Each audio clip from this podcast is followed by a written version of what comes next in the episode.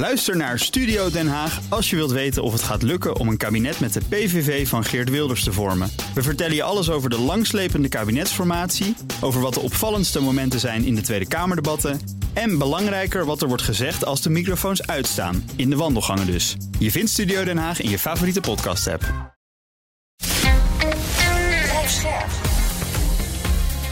BNR Nieuwsradio. De wereld.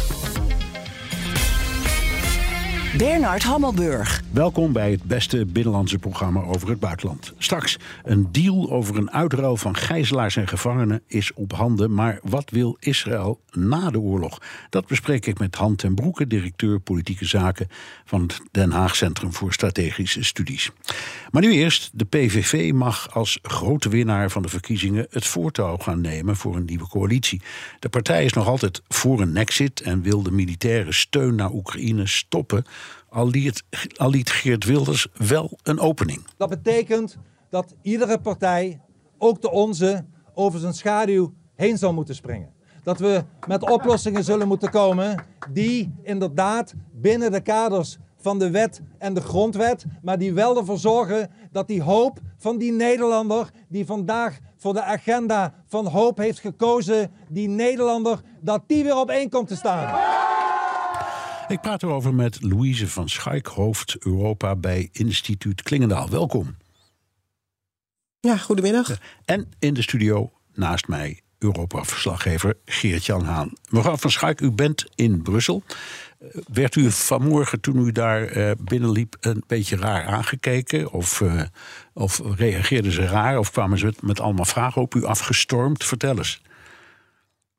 Ja, mensen zijn wel echt geschrokken ook hier in Brussel. En uh, ja, wat me ook wel eens opgevallen is dat bijvoorbeeld mensen uit Italië of Zweden uh, zeggen van, nou ja, dit heb ik ook meegemaakt. Hè? Dus uh, dat er toch wel. Die komen u troosten. Een andere wind ging waaien, politiek ja. in mijn land. Ja. ja. Ja. die hebben natuurlijk ook allemaal, dat is waar. Berlusconi en enfin, nu ook. Um, en, en, en, maar spreken ze u op aan? Van wat is daar nou toch in vredesnaam in de, in, in, aan de hand in dat land van jullie? Of, of gaat het zover niet? Nou, ze vragen wel van was het ook uh, ingeschat? En uh, uh, ja, wat, waardoor komt het? Hè? Dus ja. hoe, hoe, kan het zijn dat ineens één op de vier Nederlanders een anti-EU-partij stemt? Ja. ja, nou, het is inderdaad. Geert-Jan Haan hier in de studio. hoe wordt er gereageerd in Europa? Nou, ten eerste nog weinig reacties van regeringsleiders.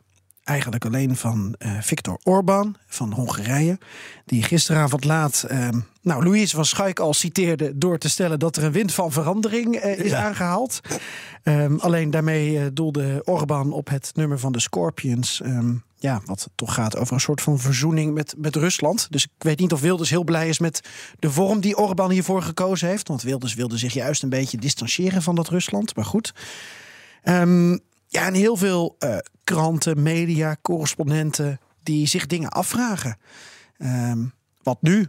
Ja. Hoe kan dit? En nou ja, Um, in Oekraïne, daar komen we zo over te spreken. Uh, daar kwam ik toch eigenlijk wel een van de bijzonderste koppen tegen. Um, in Oekraïne vragen ze zich ook af wat nu. Maar daar staat bijvoorbeeld bij de nieuwssite Novia Vremja, de nieuwe tijd, daar staat. Kapitein Peroxide treedt toe tot Eurotrump-familie. Waarom de overwinning van de anti-Oekraïnse en islamofobische partij van Geert Wilders Nederland en de EU choqueert. Ja, wat een samenvatting zeg. Ik ben jaloers dat we dat zelf niet hebben. Ik heb ook van alles geleerd uit dat artikel. Want uh, in Nederland hebben we volgens dit artikel allerlei bijnamen voor Wilders. Namelijk Mozart en de bekendste blondine sinds Marilyn Monroe. Ja. Um, nou ja, uh, nou ja. randzaken. Ja, ja, nou in het buitenland hebben ze het ook over een jongen met een vingertje in dijken. En zo. Oké, okay, uh, mevrouw van Schaik, de PVV is ehm, in die opmars de laatste weken groter dan ooit.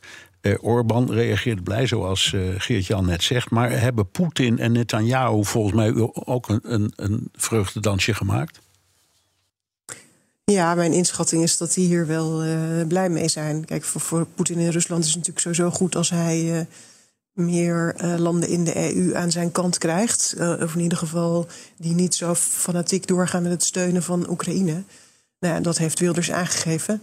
Ik moet zeggen dat er ook nog wel wordt gekeken van gaat het echt gebeuren? Want iedereen weet dat Nederland een coalitieland is.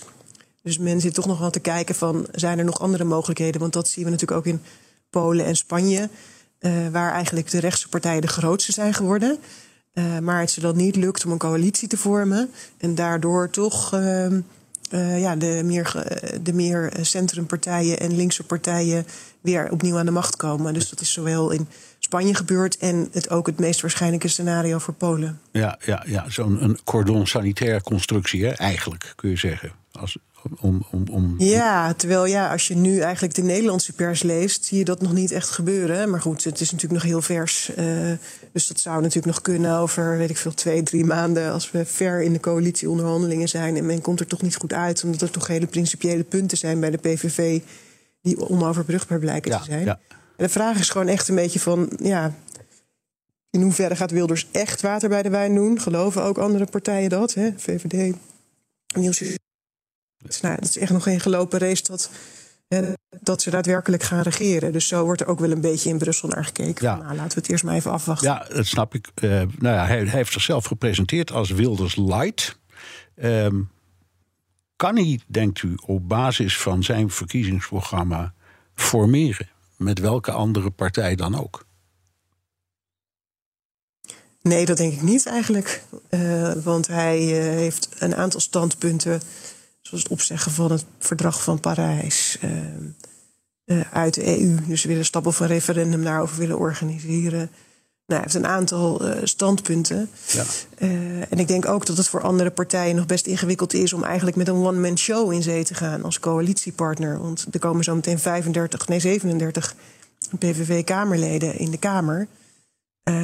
maar weten eigenlijk helemaal niet zo goed wie dat zijn. En weten ook niet of zij uh, in staat zijn om Wilders. Het is natuurlijk geen partij. Ik bedoel, in Nederland heeft elke voetbalclub heeft een algemene ledenvergadering. Uh, maar dit is natuurlijk uh, niet echt een partij met leden en ook checks en balances in de partij. Dus dat lijkt me ook nog wel als, als coalitiepartner best wel ingewikkeld. Ja. Als je dan, ja, hoe gaat dat dan? Hè? Ja, de VVD staat Europees gezien meer aan de kant van links naar rechts en is voor EU-uitbreiding. Dit zei VVD-Kamerlid Brekelmans daar vorige week over in ons buitenlanddebat. Kijk, voor Oekraïne en Moldavië geldt natuurlijk dat zij te maken hebben met de Russische dreiging. Oekraïne het meest van allemaal. En dat om die oorlog te vechten zij natuurlijk ook lange termijn perspectief nodig hebben op een ander Oekraïne. Dus dan is lidmaatschap van de Europese Unie ook belangrijk. Ja, en dat roept de vraag op hoe, hoe rijm je dat met formeren met Wilders? Zo'n prachtig voorbeeld. Nou, dat lijkt me inderdaad heel erg uh, pittig. En we weten ook dat in december komt de Europese Raad eraan.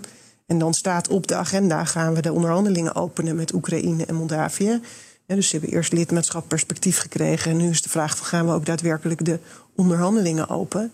Nou, de consensus in Europa lijkt te zijn ja, tenzij de lastige jongens Hongarije, Slowakije het blokkeren. Uh, maar ja, nu is misschien Nederland er ook wel bij gekomen. Hè, als Rutte gestand houdt en zegt van we moeten toch naar die verkiezingsuitslag ook kijken. Uh, want ik denk dat een ja, door PVV eh, rechtsconservatief kabinet uh, dat niet zomaar automatisch zou doen. dus da daar wordt echt wel naar gekeken, ja. Ja, ja Bernard, door, door um, door schade en schande was de VVD wijzer geworden. Zo zei Ruben Brekelmans dat in dat buitenlanddebat. Hè, dat ze nu voor EU-uitbreiding zijn. Wel nog steeds met Kopenhagen-criteria in gedachten. Maar ook uh, ten opzichte van um, ja, de regeringen daarvoor. VVD was altijd een beetje de kont tegen de krippartij als het ging om EU-uitbreiding. En onder druk van coalitiepartner D66 zijn ze daar meer open in gaan staan. Ook door de oorlog van Rusland in de Oekraïne. Ook doordat Rutte dit eigenlijk heel erg chefzaggen heeft gemaakt. En uh, ja, het zou ook apart zijn dat de VVD dus op dit standpunt, volgens Brekelmans, dan net is gedraaid en dan weer een draai terug zou maken. Ja, Omdat het eigenlijk uh, ja, tegen alles indruist ja. waar ze over hebben gedebatteerd. Precies, maakt het ook niet geloofwaardiger, zo gezegd. Uh, mevrouw van Schaik, even over NSC. Die stond heel hoog in de peiling, is een beetje weggezakt, viel een beetje tegen misschien. Welke rol spelen zij in Europees opzicht? Nou, ik vond NSC ook vrij eurokritisch. Eigenlijk heel verbazingwekkend. Hè. Pieter Omtzigt is gepromoveerd aan het Europa-instituut in Florence. Weliswaar op het Nederlandse pensioenstelsel. Maar toch, uh, uh, ja. ja. je zou verwachten dat zij daar best veel mee hebben. Ook nou ja, andere mensen op de lijst. Maar ze hadden toch een vrij eurokritische houding. En ik denk dus met name inderdaad op onderwerpen als uitbreiding, hè, waar Nederland jarenlang heeft gezegd: het moet allemaal heel strikt volgens de methodes. Landen moeten echt aan alle eisen voldoen voordat ze kunnen toetreden. Waar Nederland ook echt een reputatie heeft als echt streng. Hè. Uh, en, en op de begroting van de EU. Uh, het geld verwacht ik ook dat een partij als nationaal, het sociaal contract echt ja, heel, heel prudent daar weer in gaat zitten. En echt gaat zeggen: er mag niet meer geld naar Brussel. Er mogen geen gezamenlijke leningen vanuit Brussel. En discussie die nu heel erg loopt, omdat er wordt gezegd van ja. Anders gaan landen tegen elkaar concurreren in de industriepolitiek. Want iedereen wil omschakelen naar groen, groene industrie. Maar nu zie je dat landen heel erg tegen elkaar concurreren daarop. Is het niet slimmer om dat op Europees niveau te doen en dan gezamenlijke leningen en dat te investeren in de Europese economie? Eh, zodat je ook wat projecten van schaal kunt doen. Uh, nou, dat soort dingen denk ik dat Nederland allemaal uh, echt uh, ja, heel erg aan de rem gaat trekken. Ja, of, ja, ja. ja, hun, hun, woordvoerder in het debat dat wij vorige week hadden was is Casper Veldkamp. En die klonk, nou, ik zal maar zeggen, behoorlijk um, pro-uitbreiding. Ik zie de geopolitieke dimensie van de EU-uitbreiding, maar die heeft ook andere dimensies, zoals de rechtsstaat. En die rechtsstatelijke normen moeten we heel goed waarborgen. De Kopenhagen-criteria of het gebied van rechtsstaat en democratie, daar moeten we geen concessies aan doen. Maar het is wel nodig. En ik zou zeggen, laten wij dan ook bijstaan ja. met hoe kunnen wij hen daarin helpen. Ja, uh... NSC sloot de PVV in eerste instantie uit. Maar gisteren opende Pieter om zich de deur toch weer. En als je het standpunt van Veldkamp hoort. Uh, dan gaan we toch niet zo snel de, de eurokritische kant op. Dat klinkt anders dan, ik zal maar zeggen, zijn eigen fractievoorzitter, baas, wat hij ook wordt. Ja. Ja, ja, dat klopt. Ja, Casper Veldkamp heeft natuurlijk jarenlang bij het ministerie van Buitenlandse Zaken gewerkt, ook op deze regio's en landen. Uh, dus die weet zeker waar hij het over heeft. Uh, maar als ik het beluister, dan klinkt het bij mij toch weer iets meer teruggaan. Hè? Dus nu, uh, nu was, maar zeggen, voor de Nederlandse huidige, ja, de huidige regering met VVD D66, was toch ook wel het argument van we moeten een beetje opschieten. Want we moeten de uh, de landen wel echt uit de Russische invloedssfeer houden. Hè. Dus dat is het geopolitieke argument voor uitbreiding. Uh, en als je dus heel erg gaat hameren over ze moeten echt aan alle eisen voldoen van de rechtsstaat. Nou, ja, kijk, zelfs als je in Nederland zelf kijkt, en daar is natuurlijk NSC altijd erg op, op gebaat. Dan hebben we soms uh, een journalist die wordt doodgeschoten. Georganiseerde criminaliteit die best wel ver doorgaat. Uh, toeslagen schandaal. Dus je zou kunnen zeggen van alle landen in de EU hebben op hun manier ook rechtsstaatsissues nog. Hè? Uh, dus ja, kan je dan, naar maar zeggen, het maken om de landen die gaan toetreden daar nog soort van meer de maat gaan nemen dan dat je, dan eigenlijk zelf. zelf. doet op dit ja, moment. Ja, ja, ja. Dit is, dit dus daar zit denk ik een beetje de, de twist in.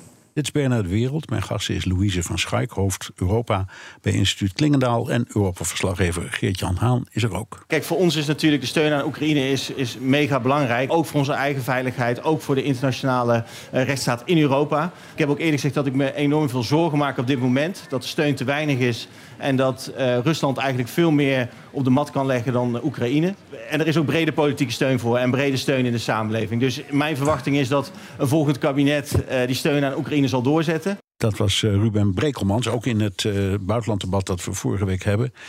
Dan praten we over Oekraïnse steun. De VVD wil dat verder uitbreiden. Voor NSC is het ook nog onze oorlog. Um, maar voor uh, Geert Wilders niet, althans niet materieel. Moet president Zelensky zich uh, zorgen maken? Ja, ik denk dat hij zich wel uh, zeker zorgen moet maken.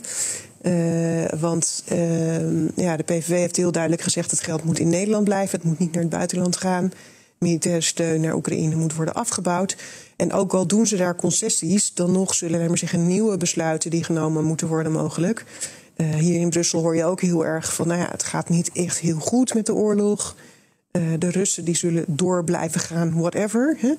Uh, dus die hebben nog zoveel jongens achter de hand die ze kunnen gaan inzetten in de strijd. Die zijn bezig met oorlogseconomie. Dus die kunnen, het, die, die kunnen het echt lang gaan volhouden. Wat stelt Europa daar tegenover en houdt Europa het ook zo lang vol? Nou ja, dan kan Nederland toch eerder bij de landen terechtkomen die misschien net iets eerder rustig aan willen gaan doen. Zeker als in 2024 in Amerika misschien er ook een andere politieke wind gaat waaien. En die Amerikaanse steun weg gaat vallen. Want dan zal toch nog meer gekeken worden naar Europa om die steun te blijven volhouden en te verhogen. Ja, een Dat lijkt aantal, me toch wel eh, lastig. eh, een aantal aanvullingen. Eh, we hebben Geert Wilders gezien in een interview bij Nieuwsuur met Marielle Tweebeke. Dat is eigenlijk een van de weinige keren dat hij uitgebreid wat heeft gezegd over zijn houding ten opzichte van Oekraïne en Rusland. In het partijprogramma staat er ook eh, nauwelijks wat over. Wat hij aangaf in dat interview eh, was dat hij Rusland duidelijk als agressor ziet in deze oorlog. En daarmee maakte hij toch een eind aan speculaties over, nou ja, is hij nou pro-Rusland? Eh, aan de andere kant, eh, misschien zegt hij het voor de bühne. Hij geeft wel duidelijk aan dat de politieke steun aan Oekraïne doorgaat. Maar inderdaad, de militaire steun houdt op. Eh, Economische steun heeft hij zich niet over uitgelaten. Maar hij heeft ook niet gezegd: mag er dan nog lucht, luchtafweer bijvoorbeeld naar Oekraïne om, om het land te verdedigen? Want dat zou onder militaire steun vallen. En hij heeft ook niet gezegd, want er werd ook niet op doorgevraagd, hoe hij dan kijkt naar de defensieproductie die momenteel in Europa natuurlijk wordt opgevoerd. Vindt hij dat daar dan mee gestopt moet worden? Er zijn nog een heleboel vraagtekens. Ja, en ook in Oekraïne maken ze zich inderdaad zorgen. Ik heb eh, verschillende mensen aan de telefoon gehad eh, vandaag die vroegen: ja, hoe, hoe, hoe wordt er nou naar gekeken? Toen heb ik ook uitgelegd, Bernard, dat ehm, het gewoon geen verkiezingsonderwerp is geweest. Wij hebben het erover gehad in het buitenlanddebat. Het kwam bij Nieuwsuur even te sprake, maar dat was het dan ook. En het is een beetje vergelijkbaar met hoe wij hebben gekeken naar bijvoorbeeld die verkiezingen in Slowakije en Polen. Dan hebben wij als buitenlandse pers oog voor wat er op Europees toneel zich afspeelt. Ehm, in dit geval steun aan Oekraïne. Terwijl in principe bij ons en ook in Polen en Slowakije staan binnenlandse onderwerpen veel meer centraal. Maar goed, ja, ik heb toch maar uitgelegd eh, waar het op neerkomt is er is geen 100% garantie op dit moment als Wilders in de coalitie komt dat de militaire steun aan Oekraïne doorgaat. Ja. Zullen we eh, eh, met u beiden goed vinden en even nog tenslotte praten over die eh, derde grote partij, GroenLinks Partij van de Arbeid. Het blok is wat kleiner geworden, het progressieve blok. Eh, hoe ziet u dat, eh, mevrouw Van Schaik? Ja, dat is ook wel iets wat in Brussel echt wel bekeken wordt. Uh, dus er wordt echt wel gezegd van nou zie je in, in een aantal landen zie je toch dat conservatieve rechts opkomt. En dan wordt er ook wel echt gekeken naar de Europese parlementverkiezingen van juni 2024. En er wordt ook gezegd bijvoorbeeld van ja, moeten we bijvoorbeeld van migratie uh, een verkiezingsthema willen maken? Of moeten we, als we bijvoorbeeld de Christen-Democraten zijn, toch liever gaan voor het klimaat en daar een wat kritischere houding op nemen, zodat dat het grote thema wordt en dat we ons daar kunnen verhouden tot de uh, Sociaal-Democraten en, en de Groenen. Um, dus je ziet dat er met name op, uh, op dat soort onderwerpen en hoe uh, Timmermans het heeft gedaan op het onderwerp klimaat, maar ook op, op ja, sociaal-democratisch, als sociaal-democratische partij. Daar is echt wel naar gekeken in Brussel. En dan met name van wat voor lessen kun je hieruit trekken. Nederland wordt toch vaak een beetje als een toetssteen gezien. Hè? Dat is toch een beetje een soort trendsetter, ook in het verleden al langer. Als er iets gebeurt in Nederland, wordt er toch ook wel gekeken van. Hmm, dit kan in andere landen ook wel eens uh, uh, gaan gebeuren. En dat hebben we tot op zekere hoogte al gezien. Maar dat kan zich ook nog wel eens doorzetten. En dan maakt zich, men zich natuurlijk ook zorgen. Ja, Bloomberg. Duitsland en andere landen. Bloomberg kwam met een ja. interessant verhaal vanmorgen. Onder, onder de kop dat dit is de opmaat voor een heleboel andere landen om ook die kant uit te gaan. Ziet u dat ook zo? Nou ja, dat, ja dat, dat hoor je hier wel, laat maar zeggen. Dat men denkt van hoe. Uh, aan de ene kant.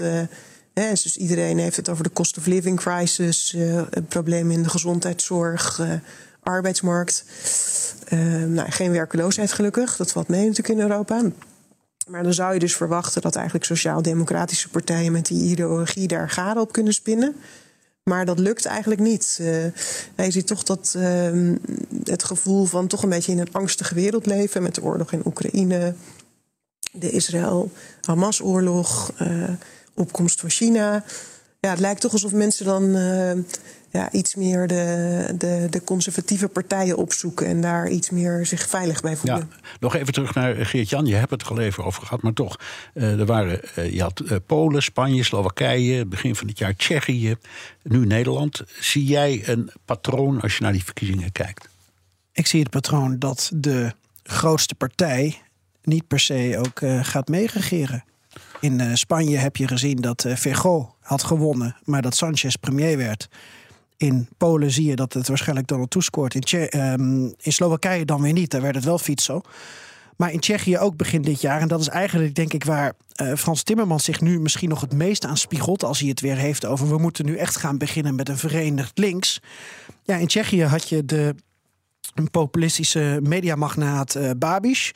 En eh, ja, daar is een enorm cordon sanitair eh, omheen eh, gebouwd. En van christendemocraten tot aan piraten, iedereen heeft daar meegedaan om te voorkomen dat deze man kon meeregeren.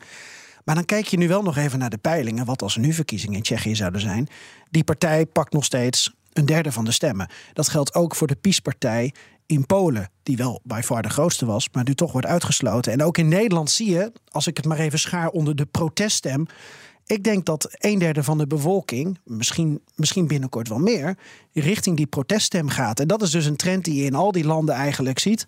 Ehm, al moet elke potentiële premier zich weer in andere bochten buigen, eh, wringen om, om aan de macht te komen. Want ja, Spanje, waarbij Sanchez deals moet sluiten met de Catalanen en de Basken, ja, dat is bij ons een totaal ander verhaal natuurlijk. Nee, wat, we hebben van alles, maar geen afscheidingsbeweging, ik maar zeggen. Nou ja, maar je krijgt dus op papier een hele. eh, me- mensen stemmen voor een partij die dan wint. In het geval van Wilders, ehm, laten we zeggen, radicaal rechts, of welk, welk labeltje het je ook wil geven. En zou zomaar kunnen dat er een centrum, misschien wel centrum-links kabinet uiteindelijk op een of andere manier ontstaat. Ja, en dat is dus ook voor de kiezer wel heel verwarrend om uit te leggen. Eh, mevrouw Van Schaik, wat is uw balans als u het allemaal overziet en hoort? Ja, dat het inderdaad toch nog niet helemaal een uitgemaakte zaak is. Eh, dus we gaan echt nog wel de komende maanden, vrees ik, zien eh, hoe het gaat met de coalitieonderhandelingen. En eh, of we daadwerkelijk eh, uit gaan komen op zo'n rechtskabinet als waar nu eh, ehm, ja, toch veel over gepraat wordt in Nederland. Of dat inderdaad ook die andere opties eh, die Geert-Jan net schetst, eh, misschien op een gegeven moment gaan opkomen en toch een kans maken.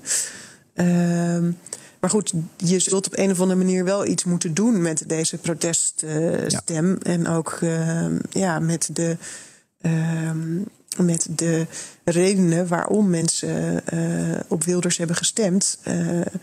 Ja, dan zul je, welke regering het ook wordt, eh, zal daar iets mee moeten gaan doen. En ik denk dan bovenal. krijg je daarna ook weer problemen. Ja, en ik denk bovenal, dat geldt bij de Europese verkiezingen, maar ook voor de Duitse verkiezingen, die misschien ook wel sneller zijn dan ze zelf zouden willen. Migratie, dat is het onderwerp waar in elk land en in heel Europa men er maar niet over uitkomt welke kant het op moet gaan. Er wordt nu wel gesproken over een migratiepact in, in Europa, maar daarmee zijn niet alle problemen opgelost. En of het nou een visie linksom of rechtsom is, ik denk dat een heleboel mensen zitten te wachten op duidelijkheid wat betreft migratie, zodat iedereen weet waar die aan toe is. En dan kun je ook met elkaar verder praten. En tot die tijd denk ik dat het thema migratie heel veel verkiezingen in heel veel landen gewoon kaapt, waardoor andere onderwerpen niet centraal staan. Ja, bent u het mee eens, mevrouw Van Schaik? Is dat echt, eh, nou, ik zal maar zeggen, eh, het belangrijkste onderwerp in, in, in, dat- in, in- ja, bij ons en bij al die andere landen ook?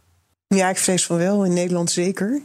Ehm, ja, dat is toch in Nederland eh, ehm, echt wel het grote thema geweest. Wat ook is gekoppeld aan veel andere issues. eh, eh, zoals de woningmarkt. Ja.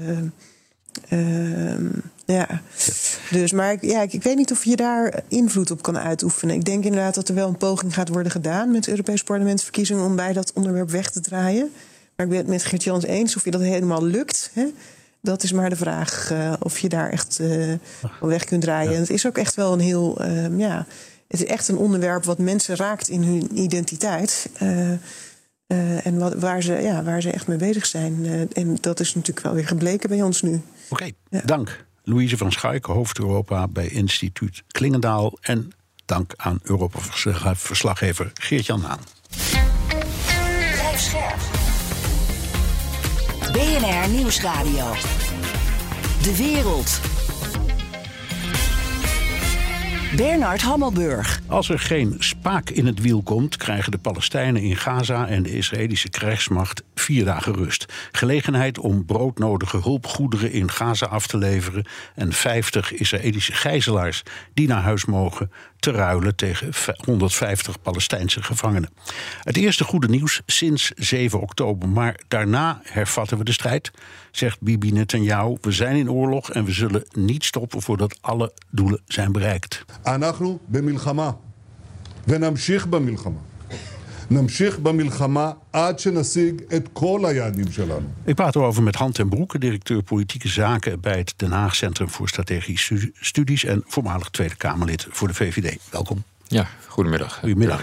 Ehm, eerst even dat diplomatieke spel dat zich heeft afgespeeld. Reuters had daar echt een, een onthullend eh, verhaal. Leek wel een speelfilm als je het las. Kijk er net naar, ja. Ja, Het ja, is- het echt vanaf eh, het moment dat die ramp gebeurde op de zevende, de ochtend van de achtste. Binnen een paar uur. hè? Ja, binnen een paar uur zijn eh, ehm, ehm, eh, Qatar, Biden, de CIA, de Mossad, de koning van Jordanië, de president van Egypte, Netanyahu. Eh, en zijn minister eh, van Buitenlandse Zaken. En nog een heleboel andere geheimzinnige mensen aan de slag gegaan om tot een gevangenruil te komen. Ja.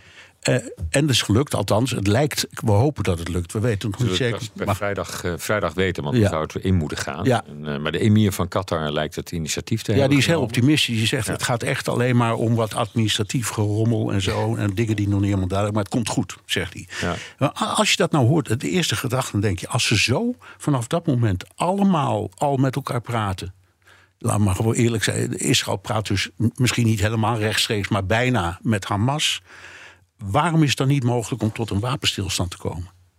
Ja, omdat de belangen van beide partijen om tot een wapenstilstand te komen gewoon op dit moment niet eh, dezelfde zijn. Eh, Ze sporen niet, ze synchroniseren niet. We hebben natuurlijk ook bij eerdere Gaza-oorlogen, waarbij ik direct moet aantekenen dat je op moet passen om die te vergelijken, want deze is echt anders dan alle vorige. Maar bijvoorbeeld hier in 2014 hebben we natuurlijk een paar keer een bestandsonderhandeling gehad. En ehm, eh, nou, Robert Serry, die eh, Nederlander die daar zelf bij betrokken is geweest en zo ook heeft geprobeerd af te dwingen, die, die kan daar goed over vertellen. Maar die, die zegt dan ook altijd: van, nou, binnen een paar uur werd het vaak weer gebroken. En eh, pas de tweede of de derde poging, die leidde dan tot iets. En, en dan was het misschien een maand of twee maanden stil, Ja. of soms zelfs twee jaar.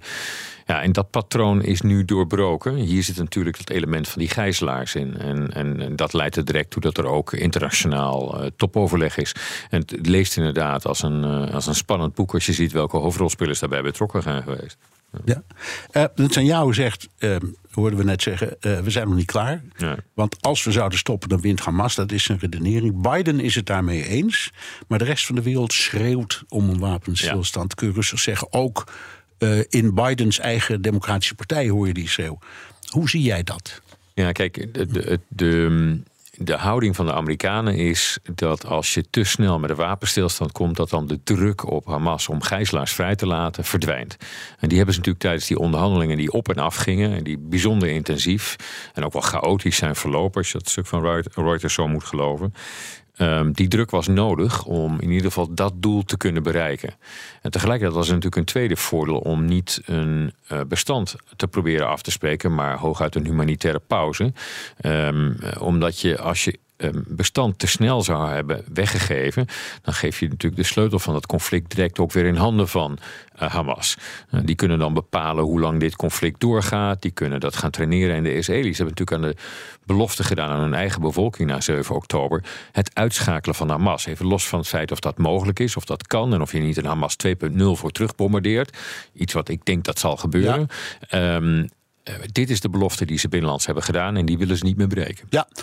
Eh, het nieuws komt net binnen. Qatar zegt dat morgenochtend om 7 uur dat eh, bestand dan ingaat. Ja. En het houdt in een, eh, een volledig staakt het vuren, zowel in het noorden als het zuiden van Gaza. Begrijp ik ook wel, want daar was verwarring over. Hè. We Ja. dachten eerst het gaat over Noord-Gaza, maar allebei. Nou, Ja, en daar zit waarschijnlijk dan ook nog een gevangenruil achteraan te komen. Eh, er zijn 300 eh, Palestijnse gevangenen die op een lijst zijn geïdentificeerd. En er zitten nog wat andere voorwaarden in. Ehm, eh, dus, en, en volgens mij heeft Israël daarna gezegd dat het mogelijk is om het bestand elke keer met een dag te verlengen. Als ook weer een x aantal ehm eh, gijzelaars worden vrijgelaten. En zo krijg je dus het spel van gijzelaars voor een bestand. Ja. Dat is de inzet van de Amerikanen van het begin af aan geweest. ja, ehm, er was eh, enorm verzet tegen eh, Israël in, politiek, eh, in de politiek, op straat, op universiteiten. Er waren allerlei pro-Palestijnse demonstraties. Vlak na de inval was er juist heel veel sympathie voor Israël. Eh, politieke leiders zeiden: ja, Israël heeft het recht om zich te verdedigen. Waar en waardoor en hoe is de omslag gekomen? Nou, ik denk dat dat ehm, eh, eh, voor de Israëli's jammer genoeg al ver voordat de grondoorlog begon. Ehm, kijk, een, een, een, luchtoorlog, ehm, dus zeg maar het bombarderen van een dichtbevolkt gebied, dat gaat niet zonder onvoorstelbaar veel burgerslachtoffers. Waaronder kinderen en vrouwen, waarvan je toch aan mag nemen dat die zeker in zo'n samenleving ehm, sowieso niet eh, van um, Hamas-lidmaatschap beschuldigd kunnen worden. Dus je, je raakt ontzettend veel mensen. Ehm, het leed is niet te overzien. Het spoelt van onze schermen. En ja, dat levert dus veel internationale druk op. En het vervelende voor Israël is dat het natuurlijk zich een beetje immuun waant voor die internationale druk, omdat het in het verleden zo weinig steun meent te hebben ontvangen in diezelfde internationale gemeenschap, in het bijzonder in Europa. Dus ze hebben Europa afgeschreven. Het interesseert ze ook eigenlijk niet meer hoe Europa daarop reageert. Um, ze reageren eigenlijk alleen nog maar op de Amerikanen en wellicht nog op uh, Arabische en met name golfstaten die ofwel invloed kunnen uitoefenen op Hamas, dan wel en of iets van een perspectief op ja, die uh, Abraham-akkoorden waar het uiteindelijk allemaal om begonnen is. Dus zeg maar de, de, de, de vrede de economische vrede die is getekend tussen Israël en een hele hoop Arabische staten. Ja, uh, er, is alleen, er is één factor die misschien iets anders is dan uh, in, in, het uh, verleden. En dat is die wereldwijde explosie van antisemitisme. Trouwens ook ja. moslimhaat hoor, dat moeten we erbij zeggen. Maar het is enorm. Um, zoals een tv-presentator zei, de Joden hebben dit ook wel een beetje aan zichzelf te danken. Ja, het gemak jo Joden, niet ja. Israëliërs. Nee, wat, wat, is hier aan de hand? Nou, het gemak waarmee de staat Israël en, en, en uh, het Joodse volk door elkaar lopen is, uh, is, is, is opzienbarend. Um, ik denk zelfs dat het. Ik heb de afgelopen weken natuurlijk vaak commentaar op dit conflict gegeven aan onze buitengrenzen, waar Europa en ook wij heel weinig invloed op kunnen uitoefenen. Maar waar wat zich ook weer manifesteert in onze binnensteden. Uh, ik, zou, ik, zou, bijna zeggen van de IJssel tot de Noordzee. Uh, uh, zie, je, zie je die in Zwolle, in Rotterdam, in Amsterdam, allerlei Nederlandse steden, middelgrote steden. Daar zie je pro-Palestijnse demonstraties. Ik denk zelfs dat ze hebben invloed uitgeoefend op onze verkiezingen. Omdat Um, voor mensen gaat dan ineens gelden, heel veel Nederlanders die daar naar kijken, van is het alleen maar uh, pro-Palestijns? of zit er ook een element in waarbij je, zoals we dat een paar jaar geleden hadden met al die Turkse vlaggen op de Erasmusbrug, waarbij je gaat afvragen wat is nog de binding met de Nederlandse staat? En dan kom je aan iets heel anders. Dan kom je aan de debatten die we hebben over immigratie, over integratie, over uh, Charlie Hebdo. En die twee gaan zich met elkaar vermengen. En dat is natuurlijk een giftige cocktail. Dus voor onze interne sociale cohesie is dit conflict ook van groot belang geworden. Ja, maar de vraag is of je die uh, geest weer in de fles kunt drukken als er een bestand komt. Nee, want dat is wachten op de volgende keer. Er is maar één manier om die geest in de fles te krijgen. En daarom is het ook een enorm belang voor Europa om faciliterend daarin te zijn. Want leidend, dat kunnen we wel willen, maar dat, zijn we niet. Uh, om faciliterend te zijn op die twee-staten-oplossing, die toch echt als enige oplossing nog uh, denkbaar is. En waarvan um, ja, eigenlijk uh, bijna als bewijs uit ongerijmde um, deze ellende in Gaza um, duidelijk maakt dat we nergens anders naartoe kunnen. Dus daar zal Europa zijn best voor moeten doen. Er moet een Palestijnse staat komen die veilig naast Israël kan bestaan, die gedemilitariseerd is en waar geen veiligheidsgevaren meer van uit kunnen gaan geen veiligheidsdreiging en geen islamitisch radicalisme. Dit is BNR De Wereld. Mijn gast is Han ten Broeke, directeur politieke zaken bij het Den Haag Centrum voor Strategische Studies. Laten we even oppikken waar je het over hebt. Uh, die twee-staten-oplossing. Ik zeg steeds, het is een soort containerbegrip geworden, al jarenlang. Maar als we praten over een twee-staten-oplossing, dan heb je aan de ene kant Palestina en de andere kant Israël. En Palestina is al vanaf 1967 gedefinieerd als de westelijke Jordaanoever mm -hmm. en Gaza ja. samen. Uh, Gaza en de Westhoever die leven op voet van oorlog met elkaar. Want Hamas en Fatah, ja. dat zijn aardsvijanden. Dus je zou dan zeggen, en dat hoor je af en toe in de Arabische wereld ook wel... het is eigenlijk in ieders voordeel dat Hamas verdwijnt. Zie jij dat, dat ook zo? Dat, dat is ook zo. Um, um, en daarom zijn de sponsoren van Hamas zijn ook niet in.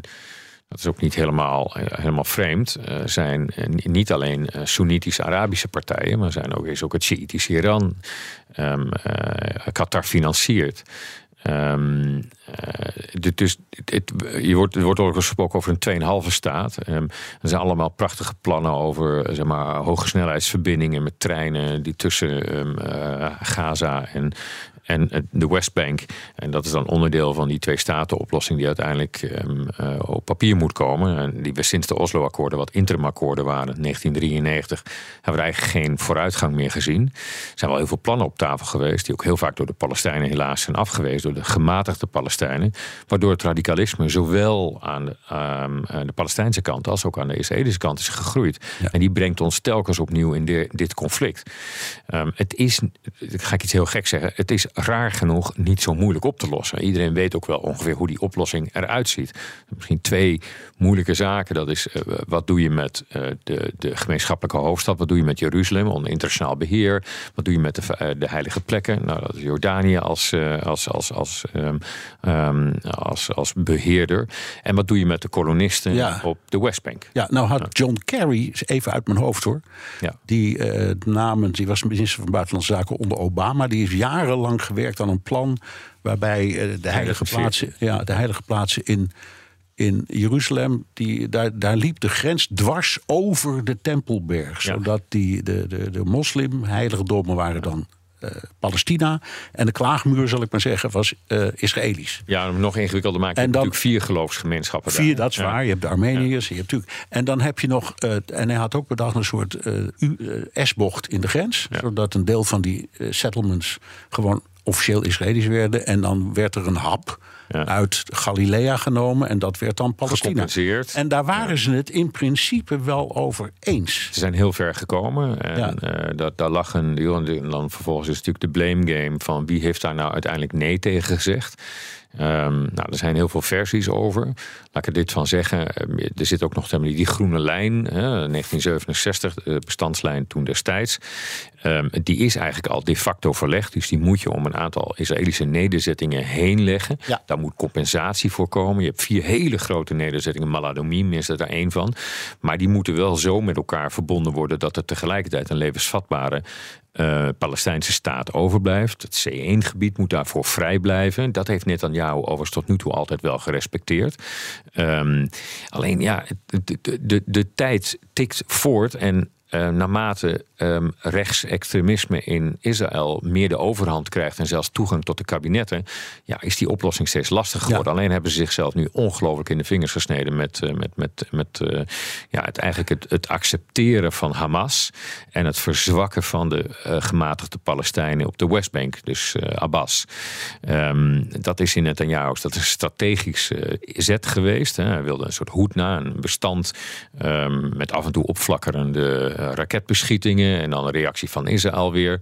Eh, en zo ging dat door. Nu zitten we echt in een andere situatie. Dit kan niet meer terug daar naartoe. Nee. Die geest is ook uit de fles. En dus zal de internationale gemeenschap na deze gijzelaars, wat mij betreft, druk op Israël moeten zetten om aan tafel te gaan zitten. Ja, en met wie? Want ehm, het, is duidelijk, het is duidelijk dat Netanyahu, die heeft zijn tijd gehad. Want eh, de- los van alle problemen die er al waren. Maar Je moet hij was Netanyahu Mr. Security. Ja, maar hij is ook Mr. Houdini. Ehm, Mr. Houdini, dat is waar. Ja, Ja. ja. en ehm, ja, hij, kijk, naarmate dit langer duurt, is er kant. Maar ik, wat ik zo zie, is dat de Likud-partij is toch uiteindelijk ook zijn vehikel geworden. In Israël zie je dat meer. Dus eigenlijk alle klassieke partijen, inclusief de arbeiderspartij, zijn eigenlijk. Eh, Als partijen hebben ze hun status verloren en ze worden vaak partijen rondom mensen heen gebouwd. Ehm, dus je hebt nu eh, Gans en je hebt eh, Lapid eh, en, en- en je hebt Netanyahu zou dan Het lijkt, lijkt Nederland wel.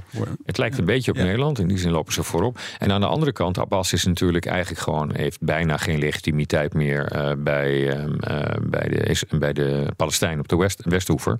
En al helemaal niet op Gaza. En zit ook niet te wachten om, zeg maar, wat ze dan noemen... op een Israëlische tank daar weer terug naar binnen te worden gereden... om het bestuur over te nemen. Dus daar zal iets internationaals voor moeten worden gevonden. Ehm, en je hoopt op iets jonger of frisser of ander leiderschap. Misschien dat Abbas het nog wel kan voorbereiden... Maar hij zou het moeten overlaten en dan bij voorkeur niet aan zijn zonen. Citeren we onze, onze gezamenlijke vriend eh, Robert Serri nog één keer. Hmm. De afsluiting hiervan. Die zegt: Misschien is een oplossing dat er eh, de VN-vredesmacht of zoiets. dat lukt niet meer. Nee. Maar misschien een vredesmacht van Europese en Arabische landen. die daar een beetje orde op Ja, zouden je zou het andersom moeten zeggen. eh, en de Arabische lidstaten zijn, Arabische landen zijn daar over het algemeen niet al te happig op. Je ziet hetzelfde nu gebeuren met het opnemen van Palestijnse vluchtelingen. Ehm, maar er is weinig anders denkbaar. En dan zal Europa niet alleen zeg maar, de reconstructie moeten doen. Dus een enorm deel van de rekening op pakken. Want die komt toch onze kant op. En ik heb net uitgelegd dat voor onze eigen interne so- sociale cohesie van belang is om hem op te pikken en te betalen. Maar ook daar wellicht militair bij te dragen. En dat is het nieuwe Europa wat we moeten vormen. Aan onze buitengrenzen kunnen we niet Uncle Joe de hele tijd vragen om dat voor ons op te knappen. Nee, en Uncle Joe, die heet nu echt Joe. Maar het kan best zijn dat hij binnenkort Donald heet. En dan wordt het misschien nog lastiger. Nou, die komt dan met een, een vastgoedplan in een glossy folder. het zou best kunnen. Oké, dankjewel. Han ten Broeke, directeur politieke zaken van het Den Haag Centrum voor Strategische Studies. En voormalig Tweede Kamerlid voor de VVD. Postma in Amerika. Tijd voor het Amerikaanse nieuws door de ogen van onze correspondent in Washington, Jan Posma. Jan, Biden was maandag jarig en dat zorgde voor veel discussie over zijn leeftijd. Ja, hij werd 81, maar daar wilde hij eigenlijk niet te veel aandacht aan besteden. En dat hoeft ook niet, want dat deden de Amerikaanse media wel voor hem. En het begon vorige week al met vooruitblikken. There's something very bad politically looming for him next week, his birthday. Uh, he would like to avoid this. Ja, dat was eh, late night host eh, Bill Maher. Ja, onmiskenbaar Bill Maher. Hè? Ja. Ja, die toon, hè. Het Ja. is eh, eh, dodelijk eh, eh, zoals hij dat- die woorden uitspreekt. En, en hij ging deze week, en met hem ook de andere media hoor, die gingen gewoon door. Want eh, uit peilingen blijkt natuurlijk dat dat ook onder Democraten echt wel twijfel is of eh, Biden nog een tweede termijn aan kan. En Bill Maher eh, weet die twijfel op echt, eh, ja, voor hem kenmerkende, heel beeldende en scherpe manier ook weer te verwoorden. We've never had a president who's 81. Doesn't mean he can't do it. I'm just saying, I like the guy, but I'm just saying, if Joe Biden was a balcony, uh, I wouldn't step out on him for a smoke. Mooi, hè? Ja, als Biden een balkon zou zijn, dan durfde ik daar niet mijn sigaretje te roken. En eh, overal in de Amerikaanse media was er deze week die discussie. Kan hij het nog? Eh, kan hij het niet? En is die Joe Biden, ja, om maar eventjes in die, die, die, die, die ja, omschrijving van Bill Maher te blijven... is hij nog sterk genoeg voor een heel land om op te steunen? Ja. Hoe gaat Biden hier zelf mee om, Jan? Nou, zij weten natuurlijk inmiddels ook wel dat het een issue is. Want het, dit is al heel lang dat dit speelt. En, Hij eh, wist al een hele tijd dat... hij 81 zou worden, bedoel je? ja, dat zat er al een tijdje aan te komen. Ja. Eh, en, en, ja, ze, ze proberen dat dan onschadelijk te maken met humor. En, en, en Biden maakt eh, dus gewoon heel regelmatig de grappen over, over zijn eigen leeftijd. Dat deed hij ook al de laatste tijd, want we, we hebben het er al langer over natuurlijk. Maar de afgelopen weken was dat wat extra. Maandag ook, hè, op zijn verjaardag, toen, toen mocht hij traditioneel eh, voor Thanksgiving twee eh, kalkoenen eh, gratie verlenen. By the way, I, it's my birthday today, and they can actually sing birthday. I just want you to know it's difficult turning 60. Difficult. Ja, eh, ik zei niet dat het een leuk grapje zou worden, Bernard. Het zijn wat flauwe grapjes. maar hij heeft ze echt eh, onderdeel van zijn repertoire gemaakt. En, en eh, dat is geen eh, toeval. Je, je ziet dat het echt gepland is, ook aan zijn social media accounts. Want daar gebeurt het ook. En dat is, is hij natuurlijk allemaal niet zelf die dat doet. Ik moest wel een beetje lachen om, om een foto die ook op zijn social media werd gedeeld. Dan zie je Biden achter een taart staan met zoveel kaarsjes erop... dat het echt een grote steekvlam is geworden. Met het tekstje eronder. Het is niet makkelijk als je 240 jaar oud wordt. Dan op zich wel mooi. Dat, dat is mooi. Ehm, het is natuurlijk koor op de molen van eh, Donald Trump. Ja, want eh, die, die kwam. eh, die, is pas, bij- die is pas 77 tenslotte. Hè? Ja, precies. Dat is nog een jonkie. Ja. ja, en die kwam met een, eh, een doktersverklaring op de Bidens verjaardag. En da- daarin stond, zoals we die doktersverklaring van Trump kennen... Hè, dat hij een uitzonderlijk goede gezondheid is. Het kan echt niet beter. Het is bijna een soort supermens. En ja, dat was natuurlijk gericht tegen Biden. Hij wilde dat contrast wilde die groot, zo groot mogelijk maken. Maar ook wel aan Trumps republikeinse concurrenten. Want die zijn er nog natuurlijk. Hè. DeSantis en Haley, die, die zijn ook kritisch op Trumps leeftijd. Eh, en zeker na een paar blunders de laatste tijd. Eh, op campagne heeft Trump eh, de afgelopen weken bijvoorbeeld... op een bepaald moment de inwoners van de verkeerde stad bedankt toen hij een optreden had gehad. Eh, en hij, ja, CEO City en CEO Falls had hij door elkaar gehaald. En hij dreigde dat Biden ons in een tweede wereldoorlog zou storten. Nou, dat is te laat natuurlijk. Dat gaat niet meer gebeuren. En dat zijn blunders die ook wel opvallen. Net als die van Biden natuurlijk. En uh, je, zei het al, Trump is maar, maar uh, krap vier jaar jonger. Dus uh, hij probeert nu zijn kritiek op Biden wat weg te draaien van leeftijd. En hij houdt het er nu vooral op dat Biden ook gewoon incapabel is. En dat kan natuurlijk ook los van leeftijd. een paar weken geleden had hij ook ineens een heel uitgebreid verhaal tijdens een speech over een vriend van hem, die een leeftijdsgenoot is, en die ook nog heel scherp is. Dus Trump die lijkt ja, die kritiek die hij op zijn leeftijd zou krijgen al preventief ja, te ja, maar eerlijk is eerlijk, Jan. Als je hem ziet bewegen, die oude Trump... Hè, dan, dan, ik neem mijn pet ervoor af. Mijn maga-petje neem ik daarvoor af, zou ik maar zeggen. Toch? Ja. ja. Nou, het is wel een groot verschil met Joe Biden... die gewoon de pech heeft. Die, die ziet er echt uit als Ja, een oude man. oude, en zo is Trump, het, ja. vitaal. Ja, Hey. Nog even een opvallend campagnemoment bij Nikki Haley.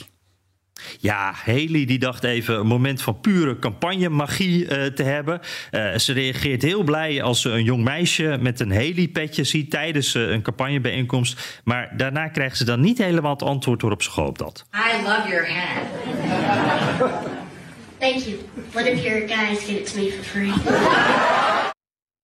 Ja, uh, bedankt. Een van je campagnemedewerkers heeft het net gratis aan mij gegeven. Daarom heb ik dat petje op. En daarmee was dus die campagnemagie. Je hoorde die violen, de strijkers al bijna op de achtergrond. Was toch meteen weer doorgeprikt. Het is een fantastische stunt. Het blijft een feest, Jan. Uh, de, de verkiezingen in Amerika. Dankjewel, Jan Hier Postma. gaat die campagne altijd door, Bernard. Het gaat altijd door. Dankjewel, Jan Postma, correspondent in Washington. Wilt u meer horen over dat fascinerende land? Luister dan naar de Amerika-podcast van Jan en mij. En tot zover BNR De Wereld. Terugluisteren kan via de site, de app, Spotify of Apple Podcast. Reageren kan via een mailtje naar dewereld.bnr.nl. Tot de volgende week. Ook Harm Edens vind je in de BNR-app. Je kunt BNR Duurzaam niet alleen live luisteren in de app, maar ook terugluisteren als podcast, zoals al onze podcasts. En naast dat de BNR-app Breaking News meldt, houden we je ook op de hoogte van het laatste zakelijke nieuws. Download nu de gratis BNR-app en blijf scherp.